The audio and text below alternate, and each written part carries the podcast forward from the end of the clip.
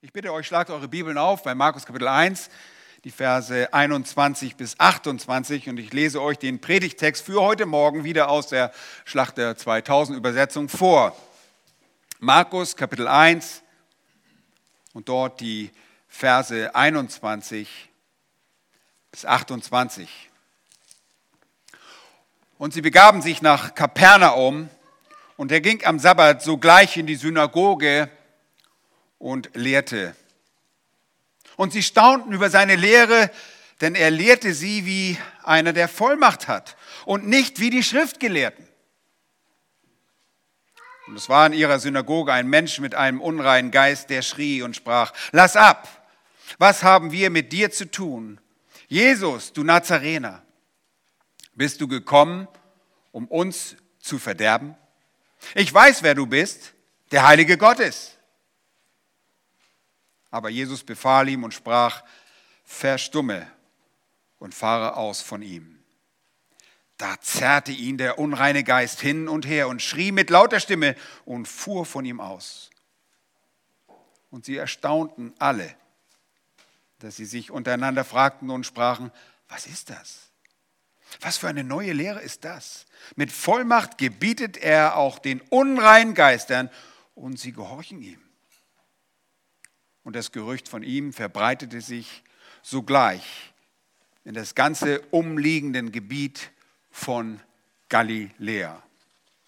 Soweit der Bibeltext. Übrigens, der Parallelbericht dazu befindet sich im Lukas-Evangelium, Kapitel 4, die Verse 31 bis 37. Nun, ich nehme es gleich voraus heute Morgen. Diese Worte des Johannes Markus werden dich heute Morgen entweder ermutigen und stärken und, wie wir gerade gesungen haben, zum Lob verursachen oder zum Lob bringen, wenn du ein Königskind bist. Oder sie werden dich schrecken, sie werden dich verstören und das Fürchten lehren, wenn du nicht ein gerettetes Kind Gottes bist und wenn du dich von Gott abwendest. Und dabei sind diese Wahrheiten des Textes nur dazu da, dir die Augen zu öffnen, dir zu zeigen, dass auch du gerettet werden kannst. Der König Jesus, so wie ihn die Schrift und speziell Markus uns ihn vorstellt, ist der Sohn Gottes und er ist fähig dazu, dich zu retten. Und deshalb rufe ich dich heute Morgen auf. Beuge dich der Lehre und der Macht des Retterkönigs. Und in unserer Betrachtung des Markus-Evangeliums haben wir bereits gelernt, dass Jesus der Messias der Juden, Christus der Sohn Gottes, der Gesalbte ist. Er trägt den Namen Jesus. Er ist auch Jahwe, der rettet und also auch als, als solcher sich erweist, als Retter erweist. Er erweist sich als wahrhaftig und er erweist sich als gnädig. Jesus wurde durch den göttlich berufenen Herold bekannt gemacht, dem Täufer Johannes, der gemäß alttestamentlicher Prophetie als Wegbereiter für den Retter König wirken sollte.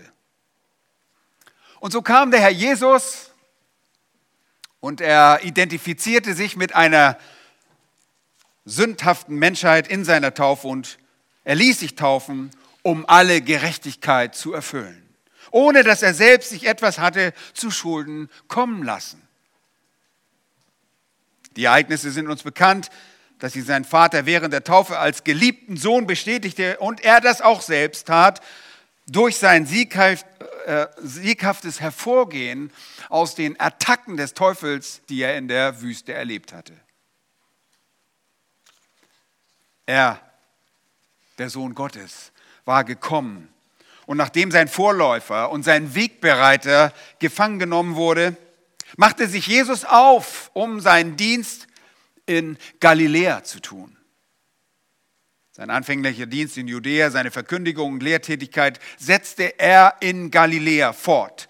Und wir steigen bei Markus zum Ende des ersten Dienstjahres der Lehrtätigkeit des Herrn ein und sehen hier, was er tat. Wie wunderbar, das wurde uns überliefert durch das Wort Gottes. Nun, um seinen Dienst einen Fortbestand zu gewährleisten, wählt sich Jesus Männer aus, die als Werkzeuge in die Evangeliumsverkündigung und Lehre eintreten sollten. Und dafür bildet sie Jesus während ihrer Christusnachfolge aus. Und er bereitet sie so auf praktische Art und Weise für die großen Aufgaben vor, die schon in wenigen Monaten auf sie warten sollten. Welche großen Aufgaben? Vor allem die Lehre, das Verkündigen. Heute in unserem Text werden wir in die Lehrtätigkeit Jesu hineingenommen. Und obwohl wir in diesem Abschnitt keine spezifischen Inhalte der Lehre erkennen, nicht die genauen Lehrinhalte, so wie sie Jesus anderorts für uns erkenntlich vorträgt, sehen wir oder erkennen wir die Tatsache, dass er lehrt, wo er lehrt, wann er lehrt und was die Reaktion auf diese Lehre ist. Das Wo des Lehrens sagt uns allerdings noch etwas über die Lehrinhalte, wenn auch nicht im Detail. Wir kommen darauf gleich zu sprechen. Wir kommen zum ersten Punkt, in dem ich dich heute Morgen, möchte dich ganz persönlich ermahnen, dich der Lehre Jesu ganz zu beugen und dich ihm, dem Lehrer, zu ergeben. Schau bitte mit mir Jesu einzige Lehr einzigartige Lehrautorität an und folge dabei dem Text. Jesu einzigartige Lehrautorität. Vers 21. Und sie begaben sich nach Kapernaum und er ging am Sabbat sogleich in die Synagoge und lehrte und sie erstaunten über seine Lehre. Denn er lehrte sie wie einer, der Vollmacht hat und nicht wie die Schriftgelehrten. Nun, das erste Sie in Vers 21 muss sich auf Jesus und seine berufenen Nachfolger beziehen.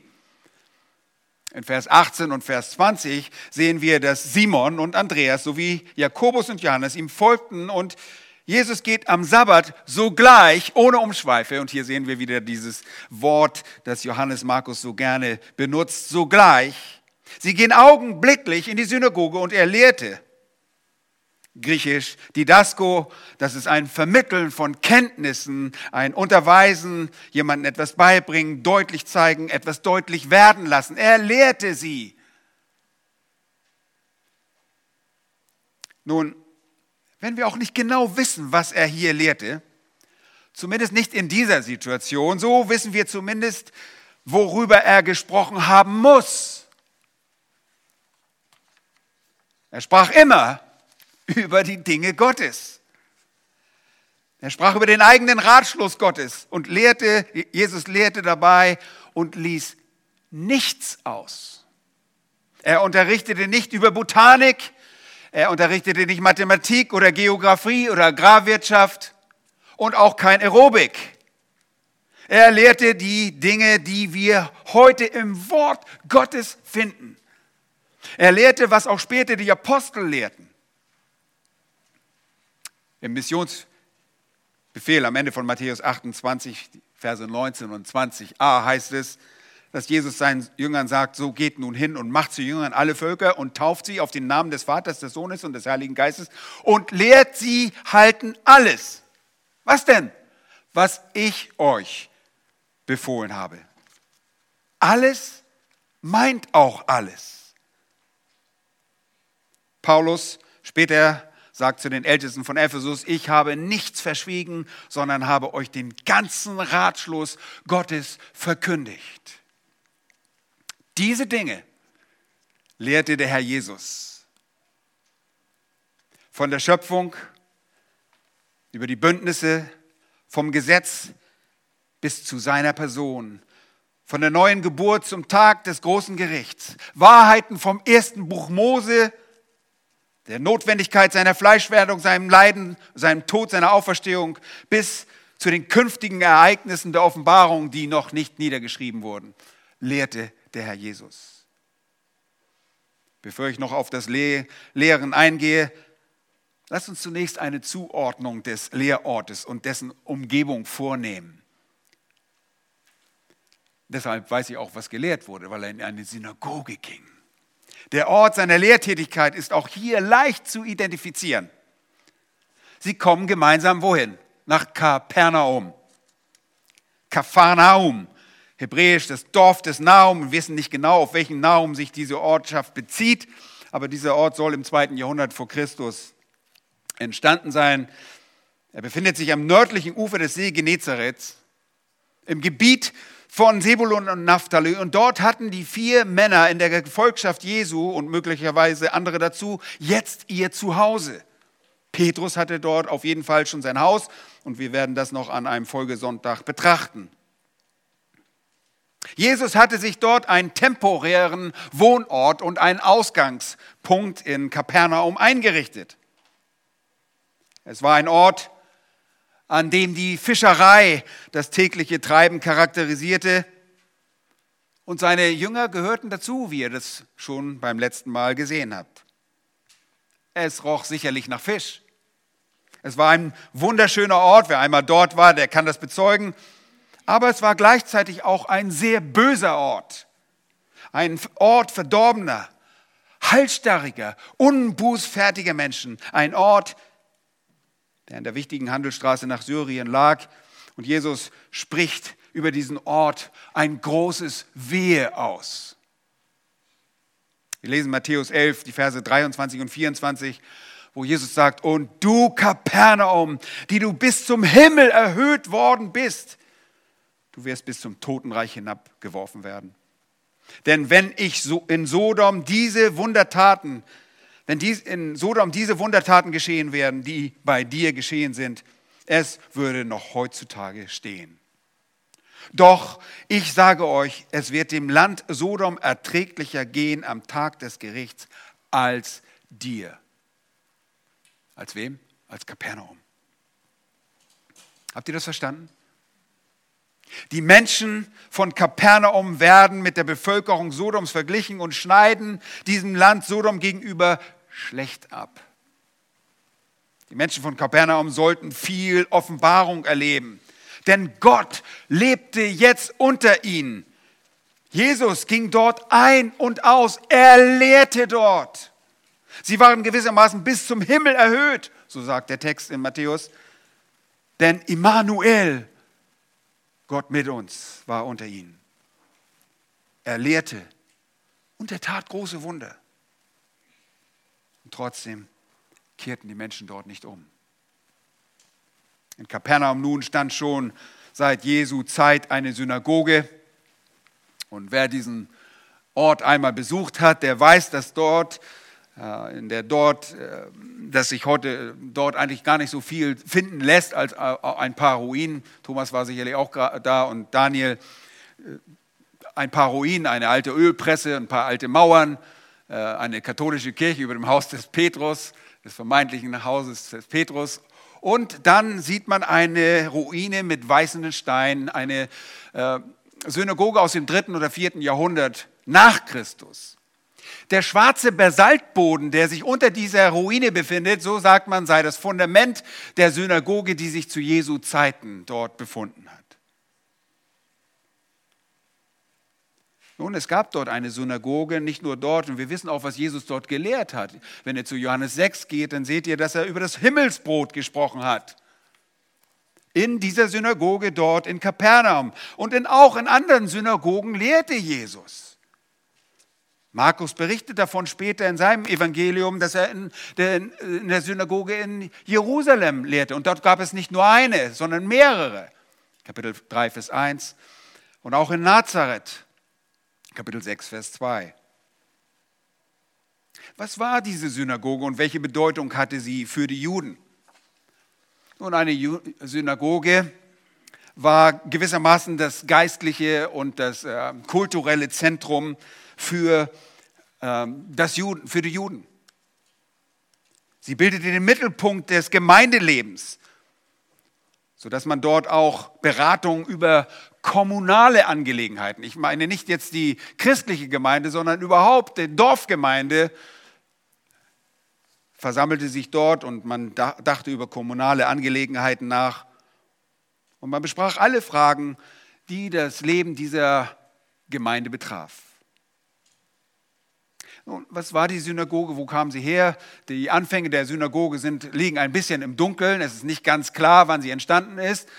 Ähm, Man nimmt an, dass sie entstanden ist, weil das Volk Israel, das Südreich Juda, in die babylonische Gefangenschaft ging und in der Gefangenschaft suchte man vermutlich nach äh, geeigneten Plätzen, wo man sich zusammen treffen konnte.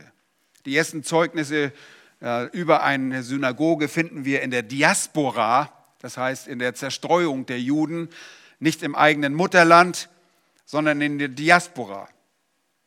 Es wurden Städten, die eingerichtet worden, dass man dort das Wort Gottes hören konnte, wo man sich als Juden miteinander versammeln konnte.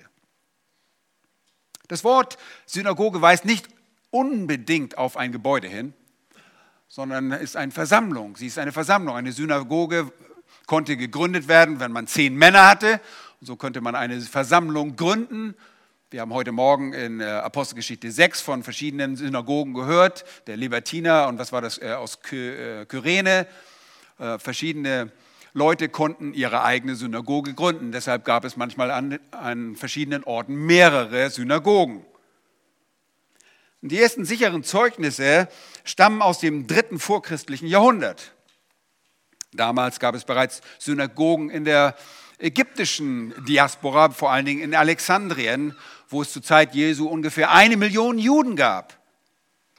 Später lesen wir im zweiten Jahrhundert vor Christus von einer Synagoge in Antiochia. Antiochia, eine sehr große, prominente Stadt in Syrien. Der Ursprung der Synagoge wird also vermutlich in der Diaspora zu suchen sein, sodass sich Juden dort versammeln konnten. Und in größeren Städten gab es das, diese Synagogen mehrfach. So wie in Rom, Alexandria, Antiochia. Und dort wurde der, zum einen der Gottesdienst der Juden abgehalten, zum anderen wurde dort das Gesetz studiert, aber auch gelehrt. Kinder wurden gelehrt. Schule wurde dort abgehalten. Wobei die Juden immer das Gesetz dort lehrten. Das Synagogengebäude war ein schlichtes Gebäude, ein normal rechteckiges Gebäude, langgezogen mit äh, Ausrichtung nach Jerusalem. Am äh, Eingang dieses äh, Gebäudes fand man Krüge mit Wasser, damit jeder, der in die Synagoge eintreten würde, der sollte sich rituell reinigen. Und dann kam man in diesen Betsaal, der manchmal auch als Lehrsaal benutzt wurde. Und dort in einer Nische befand man, fand man die sogenannten Schriftrollen, die Torarollen und die alttestamentlichen Schriftrollen. Die Gelehrten saßen auf einem besonderen Platz, auf der sogenannten Kathedra des Mose. Das können wir auch nachlesen in Matthäus Kapitel 23, Vers 2. Aber in der Synagoge konnte jeder lehren, konnte jeder nach vorne gehen. Besonders wurde allerdings jeder jüdische Mann, muss ich sagen, Frauen durften nicht lehren, äh, aber jeder jüdische Mann, durfte aufstehen und musste sich aber bestimmten Ordnungen unterstellen. Es gab einen Vorsteller und einen Diener. Und der Synagogendiener, so wie wir auch in Lukas Kapitel 4 lesen, holte die Schriftrolle und überreichte dann äh, der Person zum Lesen diese Schriftrolle. Auswendig aufgesagt werden durfte nichts. Man wollte keine Fehler begehen und äh, so musste alles abgelesen werden. Der Gottesdienst in der Synagoge diente zum einen dem Bekenntnis, dem einen Gott natürlich, dann dem Gebet und auch der Verlesung der Schrift und der Belehrung über den Willen Gottes. Habt ihr gehört? Eine Belehrung über den Willen Gottes. Und wenn Jesus in die Synagoge geht, dann lehrt er in jedem Fall. Warum? Weil er Gott ist. Jedes Wort, das er sprach, ist Gottes Wort. Es ist nicht möglich für ihn gewesen, irgendetwas anderes zu sprechen, weil er Gott ist. Jesus, der wahre Mensch, war wahrer Gott gleichzeitig. Und so ging er in die Synagoge und darin lag auch seine erstaunliche Überzeugung und Wirkung, dass alles, was er sagte, Wort Gottes war. Selbst wenn er Fragen stellte, war es Wort Gottes. Nun, der Zeit der Zusammenkunft war der Sabbat. Und wir lesen von Jesus, dass er an diesem Sabbat in Kapernaum lehrte, dies aber schon in seiner Heimatstadt vorher tat im, im ersten Dienstjahr. Und später dort nochmals lehrt. In Lukas 4, 16 erhalten wir von diesem, Buch in, äh, von diesem Besuch in Nazareth auch einen, richtigen, äh, einen wichtigen Hinweis. Dort heißt es von Jesus, und er, das ist Jesus, kam nach Nazareth, wo er erzogen worden war, und er ging nach seiner Gewohnheit am Sabbattag in die Synagoge und stand auf, um vorzulesen. Nun, in der Synagoge las man zunächst, kommt euch irgendwie vertraut vor, wie das in der Gemeinde ist, man liest das Wort Gottes und dann gab man dazu eine Auslegung. Und das tat Jesus. Es war seine Gewohnheit, am Sabbattag in die Synagoge zu gehen. Und das tat er jetzt in Kapernaum ebenso. Es war Sabbat. Aber Achtung, lies bitte mit mir Vers 22. Und sie erstaunten über seine Lehre. Denn er lehrte sie wie einer, der Vollmacht hat und nicht wie die Schriftgelehrten. Und die berechtigte Reaktion der Zuhörer in der Synagoge ist ein Staunen. Ja, geradezu überwältigt sein von der Lehre Jesu. So etwas hatten sie zuvor nie erlebt oder nicht erlebt und so etwas sollten sie nie wieder in dieser Reinart von einem anderen Menschen so genau, so genau hören können. In Jesaja heißt es von dem Volk Israel, weil sich dieses Volk mit seinem Mund mir naht und mich mit seinen Lippen ehrt, während es doch sein Herz fern, fern von mir hält und ihre Frucht von mir nur angelerntes Menschengebot ist. Diese Verse zitiert Jesus in Markus 7, Vers 5.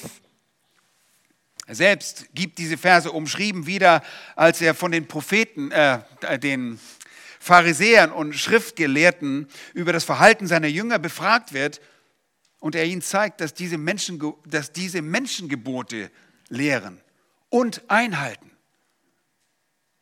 Ich lese kurz vor, Markus 7, Vers 5 und folgende. Darauf fragten ihn die Pharisäer und Schriftgelehrten, warum wandeln deine Jünger nicht nach der Überlieferung der Alten, sondern essen das Brot mit ungewaschenen Händen?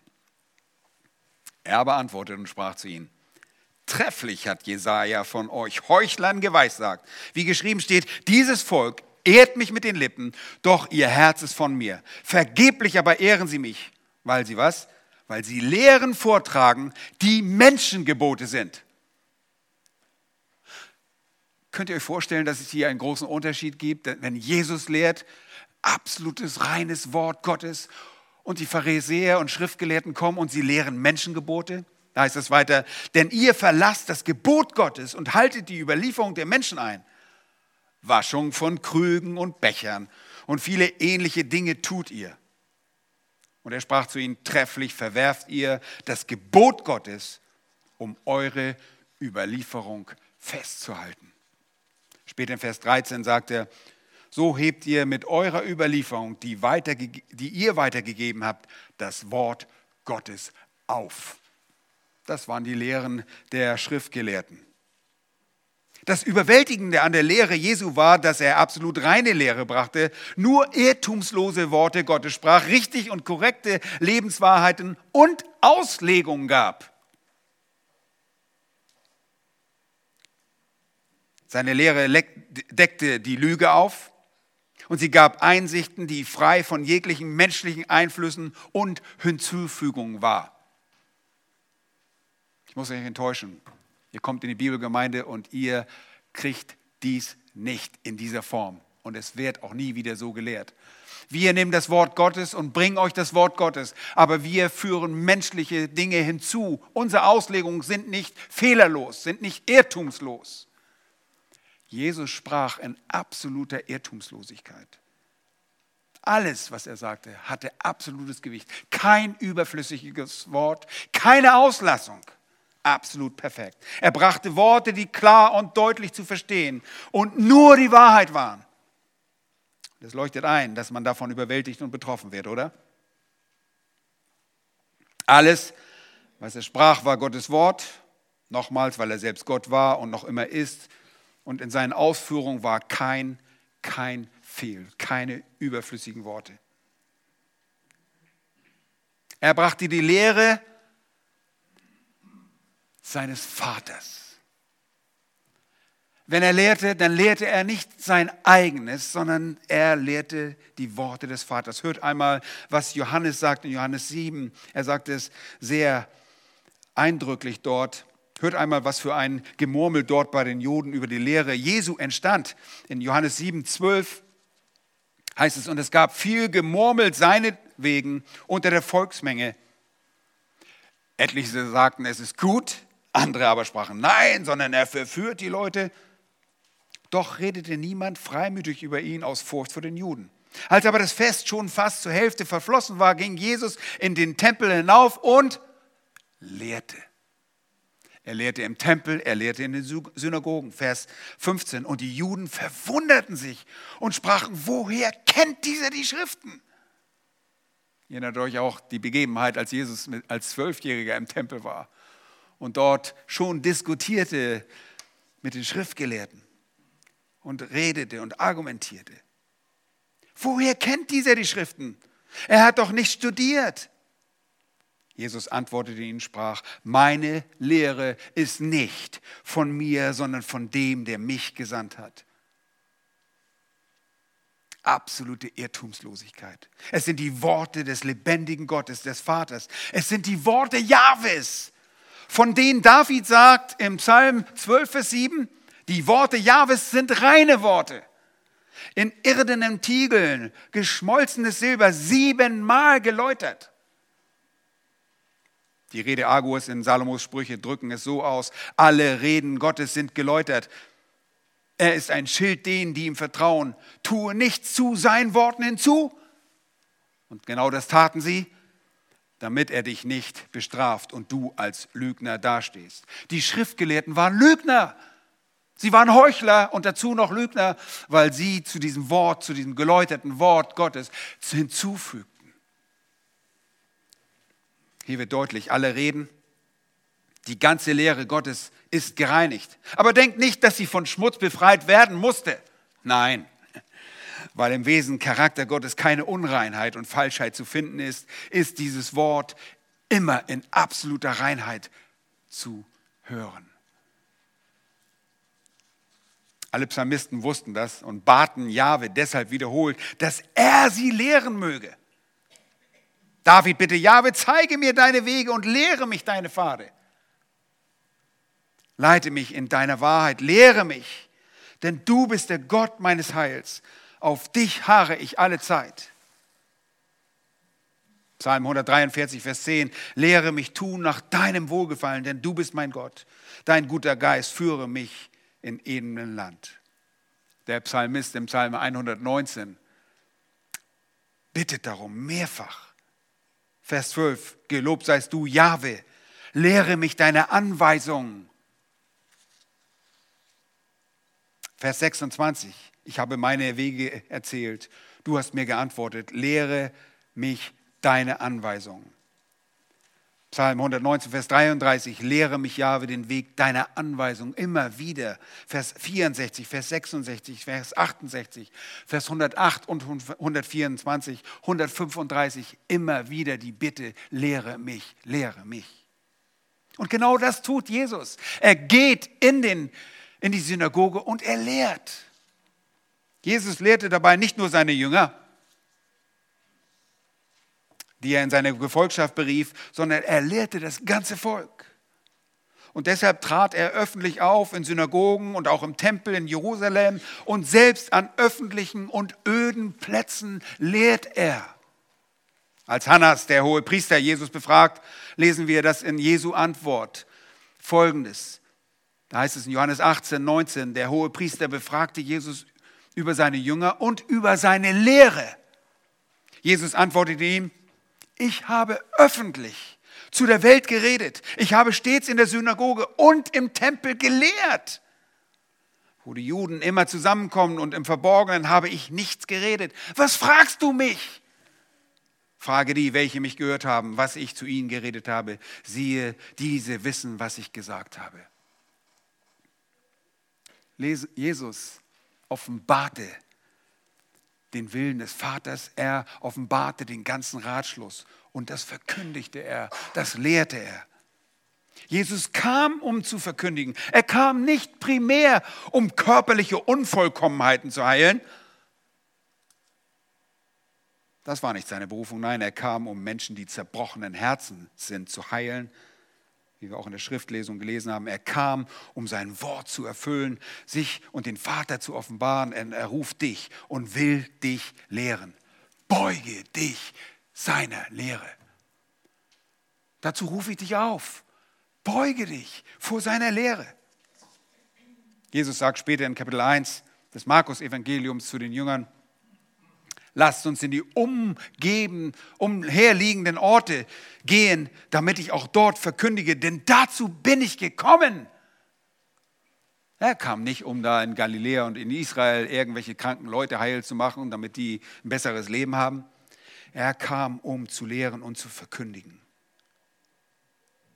Sehr deutlich. Im Gegensatz zu Jesus können wir die Lehrinhalte manipulieren, wir können sie verdrehen, wir können sie verunreinigen und deshalb warnt Paulus seinen Sohn im Glauben Timotheus und schreibt, hab Acht auf dich selbst und auf die Lehre. Pass darauf auf, bleibe beständig dabei. Wenn du das tust, wirst du sowohl dich selbst retten als auch die, welche auf dich hören. Die Lehre ist notwendig, um dich zu retten. Du musst wissen, wer Jesus ist. Du musst wissen, wer der lebendige Gott ist, dass er gekommen ist, um Menschen zu retten. Verderbliche Einflüsse auf die Lehre werden durch Dämonen ausgeübt. Der Geist Gottes warnt im Timotheusbrief, im ersten Kapitel 4. Der Geist sagt ausdrücklich, dass in späteren Zeiten etliche vom Glauben abfallen und sich irreführenden Geistern und Lehren der Dämonen zuwenden werden. Durch die Heuchelei von Lügenrednern, die in ihrem eigenen Gewissen gebrandmarkt sind. Dazu gehörten die Schriftgelehrten, die geheuchelt haben und hinzugefügt haben zu dem Wort Gottes. Nun wundert es euch, dass sie darüber staunten, wie er lehrte. Jesus hatte sich in seinem Reden ein Ansehen erworben und nahm maßgeblichen Einfluss auf das Denken der Menschen, zu denen er predigte, wenn sie sich darauf einließen. Er besitzt Autorität und herrscht, weil er die Macht dazu hat. Und in unserem zweiten Punkt bestätigt er diese Macht, auch seine Macht seiner Lehrautorität. In dem zweiten Punkt des Textes sehen wir die uneingeschränkte Macht Jesu über die Geister. Was während dieser Synagogen-Lehrstunde, übrigens wurde die Synagoge auch Lehrhaus genannt, des Herrn geschieht, ist nicht zufällig, sondern macht während der Zeit Jesu seines Dienstes Geschichte die Dämonen geraten in seiner Gegenwart und bei seinen Worten in Panik. Sie kriegen die Panik und sie outen sich deshalb. Schaut noch mal bitte in den Text, Vers 23.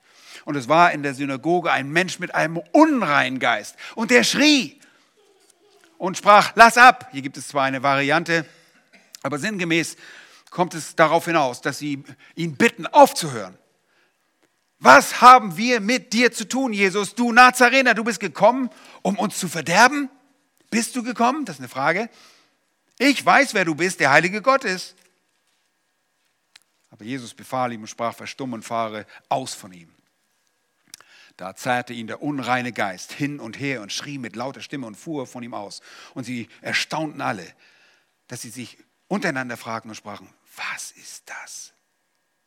Was für eine neue Lehre ist dies? Mit Vollmacht gebietet er auch den unreinen Geistern und sie gehorchen ihm. Wir sehen Jesus uneingeschränkte Macht über die Geister. Jesus lehrt und während er das tut, so stellt Markus in seinem Bericht fest, ist dort ein Mann in der Synagoge, der von einem unreinen Geist besessen ist.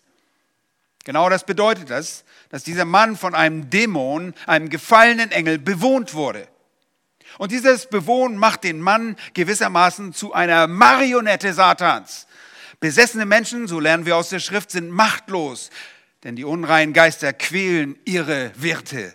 Nun, ich benutze hier bewusst das Wort Wirt, Denn in der Biologie bezeichnet man einen Organismus als Wert, der einen anderen Gast als Gast bezeichneten artfremden Organismus mit Ressourcen versorgt. Nun, hier ist der Mann zur Behausung und wird des Dämonen geworden. Aber der Dämon wird nicht versorgt, sondern sucht den Tod des Mannes.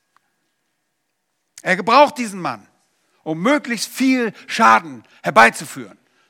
Das ist das ausgesprochene Ziel Satans. Er ist ein Mörder von Anfang an, er ist ein Lügner von Anfang an und er besetzt Menschen durch seine Engel, um sie zu töten und möglichst viel Schaden anzurichten. Ihr lieben Menschen, die den Geist Gottes nicht haben, können von Dämonen, unreinen Geistern bewohnt werden. Und der ungläubige Mensch hat keinen Schutz. Sie sind der Macht Satans in solchen Fällen ausgeliefert. Ich habe gesagt, entweder wird dich diese Predigt heute Morgen ermutigen und stärken oder sie wird dich das Fürchten lernen. Du, wenn du den Herrn nicht kennst, wenn du dich nicht gebeugt hast, der Lehre und der Macht des Herrn, des Retterkönigs, solltest dich fürchten. Dieses Besessensein ist gefährlich, denn Dämonen besitzen übernatürliche Kräfte. Das geht auch aus einem späteren Bericht des Markus hervor. In Markus 5, die Verse 2 bis 6 lese ich euch vor. Und als er, Jesus, aus dem Schiff gestiegen war, lief ihm sogleich aus den Gräbern ein Mensch mit einem unreinen Geist entgegen, der seine Wohnung in den Gräbern hatte. Und selbst mit Ketten konnte niemand ihn binden. Denn schon oft war er mit Fußfesseln und Ketten gebunden worden, aber die Ketten wurden von ihm zerrissen und die Fußfesseln zerrieben und niemand konnte ihn bändigen. Und er war alle Zeit Tag und Nacht auf den Bergen und in den Gräbern und schrie und schlug sich selbst mit Stein. Habt ihr das gehört? Die Ketten wurden von ihm zerrissen. Die unreinen Geister sind Engelwesen, die in der Rebellion mit Satan gefallen sind und zu den Weltbeherrschern der Finsternis dieser Weltzeit geworden sind. Sie haben übernatürliche Kräfte. Leute, legt euch nicht mit diesen Geistern an. Das ist nicht unser Auftrag. Leider treffe ich immer wieder Leute an, die irgendwelche Dämonen und Satan selbst binden wollen. Überlasst das Gott. Das kann nur Gott. Wir sind nicht dazu berufen. Sie sind Geistermächtige der Bosheit. Ihr Anliegen ist es, die Ziele Gottes zu vereiteln und Menschen dabei negativ zu beeinflussen, um letztlich Menschen erfolgreich zu töten. Sie nehmen Einfluss auf das Physische des Menschen, sodass sie krank und körperlich gequält werden, aber sie nehmen vor allen Dingen Einfluss auf das Denken der Menschen. Sie nehmen Einfluss auf die immaterielle Natur des Menschen. Sie haben die Macht, Menschen nachhaltig zu verführen. Sie lügen glauben zu lassen. Und es wurde ihnen dabei einfach gemacht, denn durch den ersten Menschen kam die Sünde bereits in die Welt und jeder geborene Mensch ist von Natur aus geistlich tot und befindet sich im Herrschersbereich des Bösen. Und jetzt kann der Böse kommen mit, seinen, mit seiner Armee, mit seinen Dämonen und kann Menschen besetzen und er kann sie terrorisieren. Wir, die wir uns willig unter seine Macht und unter seine Lehre gebeugt haben, können deshalb mit Paulus sagen, er hat uns gerettet aus der Herrschaft der Finsternis und hat uns versetzt in das Reich des Sohnes seiner Liebe. Kolosser 1, Vers 13. Ihr Lieben, Dämonen haben extrem viel Macht. Täuscht euch nicht. Und sie werden nur durch die Macht Gottes in Übereinstimmung mit seinen Plänen in Schach gehalten. Dass nicht jeder Mensch gleich besessen ist, das verdanken wir der allgemeinen Gnade Gottes, seiner Liebe. Aber nicht jeder wiedergeborene Mensch, nicht wiedergeborene Mensch steht in der, ich sage es nochmal, jeder nicht wiedergeborene Mensch steht in der großen Gefahr, die Macht Satans zu verkennen und dessen Herrschaft zu ignorieren, in der er sich befindet. Der ungläubige Mensch steht immer in der Gefahr, ungewollt zum Spielball des Teufels zu werden. Dass Dämonen viel Kraft haben, das sehen wir auch in den künftigen Ereignissen, die uns in der Offenbarung beschrieben werden. Ihr Lieben, das ist wirklich beängstigend, wenn wir das lesen. Dort heißt es in Offenbarung Kapitel 9, Vers 15. Die vier Engel wurden losgebunden und das spricht hier von vier gefallenen Engeln, die gebunden waren. Wer konnte sie binden? Nur Gott allein. Und sie werden losgebunden, sie werden freigesetzt. Sie wurden losgebunden, die auf Stunde und Tag und Monat und Jahr bereitstanden, den dritten Teil der Menschen zu töten. Seht ihr, welche Macht sie haben? Nur vier Engel, die losgebunden wurden. Sie wurden dazu bestimmt, den dritten Teil der Menschen zu töten. Und die Zahl des Reiterheeres war zweimal 10.000 und 10.000. Und ich hörte ihre Zahl und ich sah, und so sah ich in dem Gesicht die Pferde und die darauf saßen. Sie hatten feurige und violette Schwefel, gelbe Panzer und die Köpfe der Pferde waren die Löwenköpfe. Und aus ihren Mäulen ging Feuer und Rauch und Schwefel hervor. Und diese drei, durch diese drei wurde der dritte Teil der Menschen getötet von dem Feuer und von dem Rauch und von dem Schwefel, die aus ihren Mäulern hervorkamen. Puh. Leben.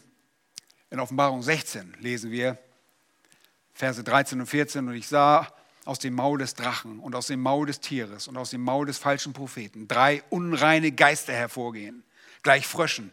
Sie sind nämlich dämonische Geister, sagt uns die Schrift, die Zeichen tun und ausgeben zu den, ausgehen zu den Königen der Erde und den ganzen Erdkreises und des ganzen Erdkreises, um sie zum Kampf zu versammeln. An jedem Tag, großen Tag Gottes, des Allmächtigen. Seht ihr, die dämonischen Geister haben sehr viel Macht. Und es gibt nur einen, der diese Geister in Schach halten kann. Und Dämonen arbeiten gewöhnlich auf eine sehr subtile und geheime, verborgene Art und Weise. Sie wissen, dass wenn sie die Kontrolle verlieren und ihr Werk nach außen zu erkennen ist, wie in unserem Fall, der uns hier beschrieben wird, dass man sie leicht identifizieren könnte. Deshalb bleiben sie heute weitgehend versteckt und sie arbeiten nicht direkt wahrnehmbar in ihrer mörderischen Absicht. Aber warum ist das hier so geschehen? Jesus bringt hier in der Synagoge und durch seine Lehre den Ungeist, den, den unreinen Geist, die Panik. Er bringt Panik, er löst Panik aus. Was löst das bei ihm aus? Er schrie. Der, Mo, der Dämon selbst spricht aus dem Menschen heraus. Und das tun Dämonen, wenn sie Menschen besetzen. Sie sprechen aus diesem Menschen heraus. Schaut in den Text. Und es war in ihrer Synagoge ein Mensch mit einem unreinen Geist, der schrie und sprach, lass ab! Was haben wir mit dir zu tun? Und der Dämon spricht stellvertretend für alle anderen Dämonen. Und wisst ihr was? Die Dämonen haben nicht nur Kraft, sondern sie haben auch Kenntnis. Sie wissen, wer da vor ihnen ist. Jesus, du Nazarener! Meine Güte, alle Menschen denen Jesus begegnet, sind verwehrt darüber, wer Jesus ist, nur die Dämonen nicht. Was haben wir mit dir zu tun? Jesus, du Nazarener, bist du gekommen, um uns zu verderben? Ich weiß, wer du bist, der Heilige Gottes. Wie recht sie haben. Wie recht sie haben. Sie kennen sich sogar mit Eskatologie aus. Sie wissen, dass das Gericht bevorsteht. Ihr Lieben, ich bin seit langem Christ. Und ich erinnere mich nur an ein einziges Mal, dass mir so etwas Ähnliches passiert ist. Sonst kann ich von keiner derartigen Begegnung in meinem Leben berichten. Aber ich weiß noch, damals 1985, in meinem letzten Bibelschulpraktikum in Mainz, bin ich einem wildfremden Mann auf der Straße begegnet, der aufgescheucht und panisch dahergelaufen kam, sich mir gegenüberstellte und mit furchtsamen Blicken in die Augen starrte und mir direkt auf den Kopf zusagte, du bist voll Bibel. Ich hatte den Mann nie gesehen. Als nächstes wandte er sich panisch von mir ab, rannte schreiend davon. Ein Tag danach, bei einer AJH-Aktion, Aktion in jedes Haus, zusammen mit einer gläubigen Bibelschülerin begegne ich diesen Mann wieder. Diesmal sprach er zu mir durch die Haustür einer Wohnung im Plural. Und ich erinnere mich nur an die Worte, die meine Begleiterin das Flüchten lehrte. Wir kennen dich, wir wissen, wer du bist, wir werden dich töten. Und allzu wohl war mir dabei auch nicht so, aber ich war trotzdem nicht wirklich furchtsam, obwohl ich nicht deutlich über diese Lehren unterrichtet worden war, wusste ich, dass Jesus größer ist. Und das ist die Wahrheit. Aber das kommt nicht vor. Das kommt überhaupt nicht häufig vor. Satan und seine Engel outen sich nicht. Sie sind subtil. Und das lassen sich immer wieder Leute auf eine Verhör mit Menschen ein, mit angeblichen Besessenen. Und sie fragen die Leute aus, was bist du für ein Dämon? Und dann wollen sie irgendeine Formel anwenden, um Menschen zu binden. Das ist Unfug. Gott bindet den Satan und das erst im Millennium. Er hat einige Dämonen gebunden, die im Gefängnis sind, die keine Macht ausüben können zurzeit. Aber wir haben nicht diese Macht. Jesus selbst hat die Macht. Aber hier kommt es nicht auf Erfahrung an, was ich erlebt habe oder was ich nicht erlebt habe. Erfahrung sind nicht die Maßstab für, ist nicht der Maßstab für Wahrheit, sondern das geschriebene Wort ist es. Der Dämon an dieser Stelle verlor die Kontrolle aus Furcht vor dem Retterkönig. Warum? Weil Dämonen den Ratschluss Gottes kennen. Sie sind schon lange da. Sie haben ihn schon oft gehört. Und sie wissen um ihre endgültige Verurteilung. Matthäus 8, Vers 28 und 29 lesen wir folgendes. Und als er ans jenseitige Ufer in das Gebiet der Gergasena kam, liefen ihm zwei Besessene entgegen, die kamen aus den Gräbern heraus und waren sehr gefährlich. Sehr gefährlich, so dass niemand auf jener Straße wandern konnte. Und siehe, sie schrien und sprachen, was haben wir mit dir zu tun, Jesus, du Sohn Gottes? Meine Güte, die haben eine Kenntnisse. Die glauben sogar an Gott und zittern, sagt Jakobus. Bist du hierher gekommen, um uns vor der Zeit zu quälen? Oh, Sie wissen ganz genau, die Zeit der Qual wird kommen, die Zeit der Verdammnis. Ihr Teil wird bei Satan im Feuersee sein.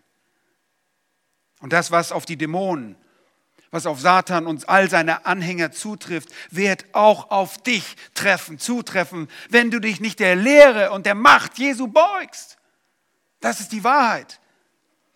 Der reiche Mann, der sich der Lehre Gottes nicht gebeugt hatte in, dem, in der Geschichte mit dem, mit dem armen Lazarus, spricht aus dem Hades. Er spricht aus dem Totenreich der vorläufigen Hölle und bittet in Lukas 16, Vers 27 und 28, dass man seine Brüder vor dem Ort der Qual warnen möge, in dem er sich jetzt befindet. Er sagt dort, so bitte ich dich, Vater, dass du ihn in das Haus meines Vaters sendest, denn ich habe fünf Brüder, dass er sie warnt, damit nicht auch sie an diesen Ort der Qual kommen.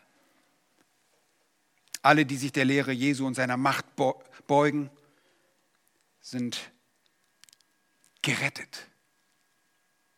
Alle, die es nicht tun und die im Verüben von Ärgernissen und Gesetzlosigkeit gekennzeichnet werden ihr rechtmäßiges Urteil empfangen.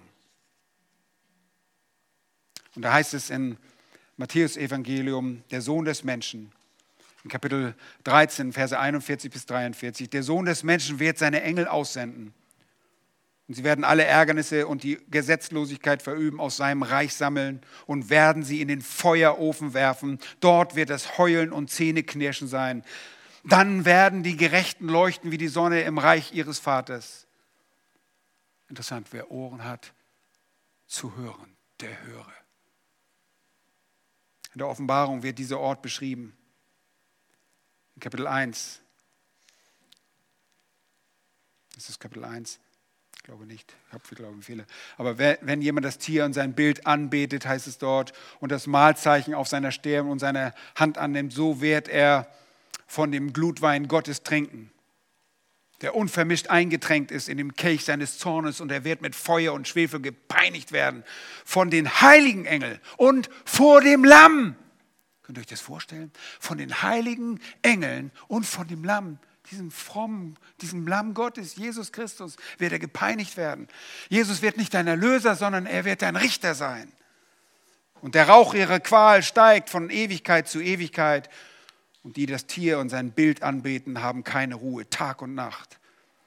Und wer das Malzeichen seines Namens annimmt, welches Kapitel ist das? Okay. Ihr Lieben, Jesus kam er lehrte, wie keiner lehrte, weil er Sohn Gottes ist. Aber er hat uns das Wort Gottes gelassen. Und dieses Wort Gottes ist genauso mächtig. Und ich bringe euch heute dieses Wort Gottes. Und ihr seht, hier gibt es Irrtümer, wenn ich hier vorne stehe. Ich weiß nicht mal, wo das Kapitel ist, was ich hier gerade aufgeschrieben habe. Gott macht keine Irrtümer. Er irrt sich nirgends. Und ich bringe euch nur diese Wahrheiten. Und ich sammle diese Wahrheiten und bringe sie euch. Und das hat Jesus gelehrt. Er hat Menschen gewarnt. Er hat mehr über die Hölle gesprochen als über den Himmel. Er hat sie gewarnt. Er hat gesagt, kehrt um, beugt euch, tut Buße, denn das Reich Gottes ist nahe herbeigekommen. Und dann zeigt er durch sein Handeln, dass er die Autorität hat, dass er die Macht hat über die Weltbeherrscher dieser Finsternis. Er hat das schon gezeigt bei seiner Versuchung, seiner Prüfung in der Wüste. Dort hat er den Attacken des Satans widerstanden. Jetzt widersteht er und überwältigt die Kraft, er die Kraft dieses Dämonen. Lieben, wollt ihr Teil seines Reiches sein, denn beugt euch seiner Lehre, seinem Wort und glaubt seiner Macht, beugt euch dieser Macht. Er hat die Macht, euch zu retten. Und das tat er mit diesem Mann. Wir glauben, dass dieser Mann nicht nur befreit wurde von seinem Geist, sondern dass er ihm aus Dankbarkeit folgen würde. Weil sonst könnte der Dämon hingehen und sagen, hey Freunde, ich habe ein leeres Gefäß. Komm, wir machen Party, wir, wir gründen eine Art Kommune und werden den mal richtig einheizen. Leben, alle, die den Geist Gottes haben, alle, die gerettete Kinder Gottes sind, sind geschützt vor den Angriffen des Satans in dem Sinne, dass sie nicht besetzt werden können von einem bösen Geist. Oh, wir können uns den Einflüssen Satans hingeben.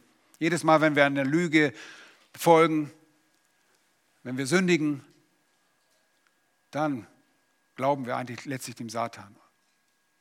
Und das sollten wir nicht tun. Aber wir sind geschützt, dass Satan uns nicht wie eine Marionette herumtreiben kann, ins Feuer werft oder dass wir falsche Lehren verbreiten. Deshalb beuge dich. Nun, Jesus lehrte das und er lehrte das bis zu seinem Tod und er lehrte das nach seiner Auferstehung. Er lehrte vom Reich Gottes und seine Lehre ist wunderbar. Ich weiß, ihr kommt hierher, weil ihr seine Lehre hören wollt. Diese Lehre ist nicht eine Lehre mit Doppel-E, sondern sie füllt unser Leben. Lehre ist nicht was Theoretisches, was Langweiliges. Doktrin, Lehre ist nicht langweilig. Sie bestimmt unser Leben. Theorie brauchen wir, damit wir wissen, wie wir leben können. Frag mal die Fahrschüler. Erst in die Fahrschule die Theorie und dann fährst du Auto. Erst musst du wissen, dass Rot Stopp bedeutet und nicht weiterfahren. Und so lehrt Jesus Wahrheiten, die für unser Leben maßgeblich sind damit du nicht verloren gehst. Damit du aus dem Reich der Finsternis, der Reich, der, das Reich des Satans befreit werden kannst, beuge dich heute. Und wenn du seine Stimme hörst, wenn du das Mahnen der Stimme Gottes hörst, ich meine nicht akustisch, ich meine, wenn du überführt bist von diesen Wahrheiten, dann verweigere verweigere ich dich dem Geist Gottes nicht. Geh auf deine Knie das ist kein Spaß. Wir machen hier, sind hier nicht ein religiöser Club, um uns gegenseitig zu belustigen. Das sind ernste Wahrheiten. Gott möchte dich retten und er kann es tun. Und das macht er deutlich und es wird immer deutlicher im Laufe dieser Geschichte. Der Retterkönig ist gekommen, um zu suchen und zu erlösen, was verloren ist. Und seine Macht beweist er. Und dafür wollen wir ihm danken. Lasst uns beten.